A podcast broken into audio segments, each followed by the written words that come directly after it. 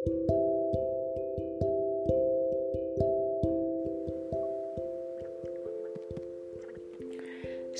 malam, saudara. Selamat malam semuanya, para pecinta misteri di mana pun saja Anda berada. Saudara, saya ingin membawakan sebuah kisah dari negeri seberang. Suatu malam di sebuah kota tinggallah seorang pemuda di sebuah kos-kosan. Pemuda ini dia tinggal hanya seorang diri karena pada saat itu teman-teman yang lain sedang pergi keluar. Entahlah ke mana tapi yang jelas si pemuda ini tidak mau mengikuti mereka. Pemuda ini hanya diam seorang diri di kos kosan kamarnya. Dia hanya membaca buku mendengarkan musik serta main ponsel cerdasnya. Itulah yang hanya dilakukan oleh si pemuda ini. Karena dia pikir teman-temannya akan pulang cepat. Tapi setelah satu, dua, sampai tiga jam, teman-teman tidak hadir juga. Lalu mulailah rasa cemas. Ketika itu dia ingin menelpon salah satu temannya. Namun malang nasib si pemuda itu. Itu malam semakin larut. Dan situasi berubah begitu drastis di mana hujan turun begitu lebatnya. Lalu selain itu juga lampu atau listrik padam seketika. Dan tidak hanya itu handphonenya juga yang telah ia mainkan selama kurang lebih tiga jam ternyata baterainya lemah. Hanya tinggal sekitar 5% baterai.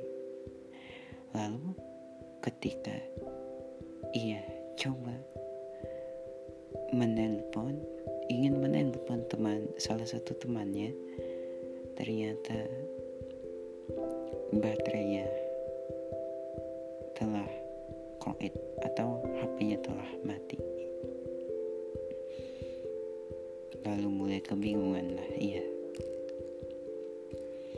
dia berpikir sejenak bagaimana caranya untuk bisa menghidupkan HP-nya yang telah mati. Pastinya bukan menghidupkan dalam hal manusia ya. Maksudnya yakni menyalakan baterai HP-nya begitu yang telah mati karena daya dayanya telah habis begitu. Lalu dia termenung beberapa saat. Setelah dia termenung dia terkaget saudara dia jingkrak dalam lamunannya itu. Jantungnya berdebar-debar seketika setelah mengalami suatu hal yang sangat tidak ia sangka-sangka. Di dalam ruangan yang gelap sepi tiada satupun manusia kecuali hanya dirinya lalu hujan lebat dan listrik yang padam. Ternyata ketika dia sedang melamun, ada sebuah tangan yang menyolek punggungnya. Kejadian itu baru sekali. Dia coba menengok tapi tidak ada. Mungkin hanya perasaan saja. Hatinya bergumam. Lalu dia kembali memikirkan bagaimana caranya agar hal ini bisa teratasi. Lalu seketika ada yang memanggil dari arah kejauhan. dia mulai merinding. Tapi dengan keyakinan penuh, dia berkata bahwa itu hanyalah firasat saja atau perasaannya saja. Lantas dia mulai cari cara lagi bagaimana agar handphonenya bisa kembali nyala. Lalu, apa yang terjadi saudara-saudara?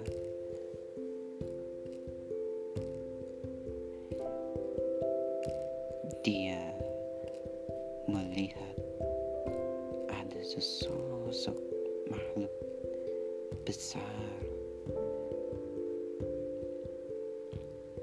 berjubah hitam di mana mukanya rata, tidak ada mata, tidak ada hidung, dan tidak ada mulut, serta tidak ada kedua telinga. Berdiri tepat di hadapannya, lalu ia pingsan, tak sadarkan diri.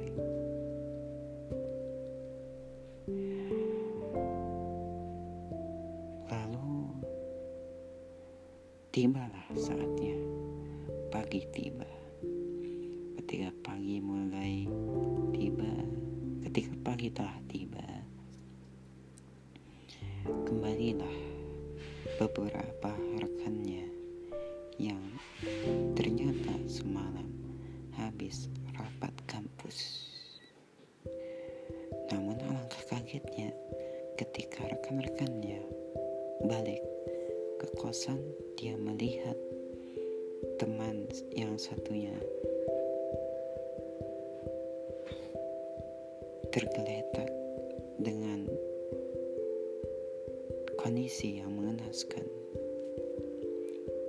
Lalu rekan-rekannya mulai melakukan cara yakni menyelamati teman yang satu ini untuk bisa diatasi apa sebetulnya yang sedang terjadi terhadap rekannya ini. Namun temannya ini telah mengalami kerasukan yang sangat lama sama kurang lebih tujuh atau delapan jam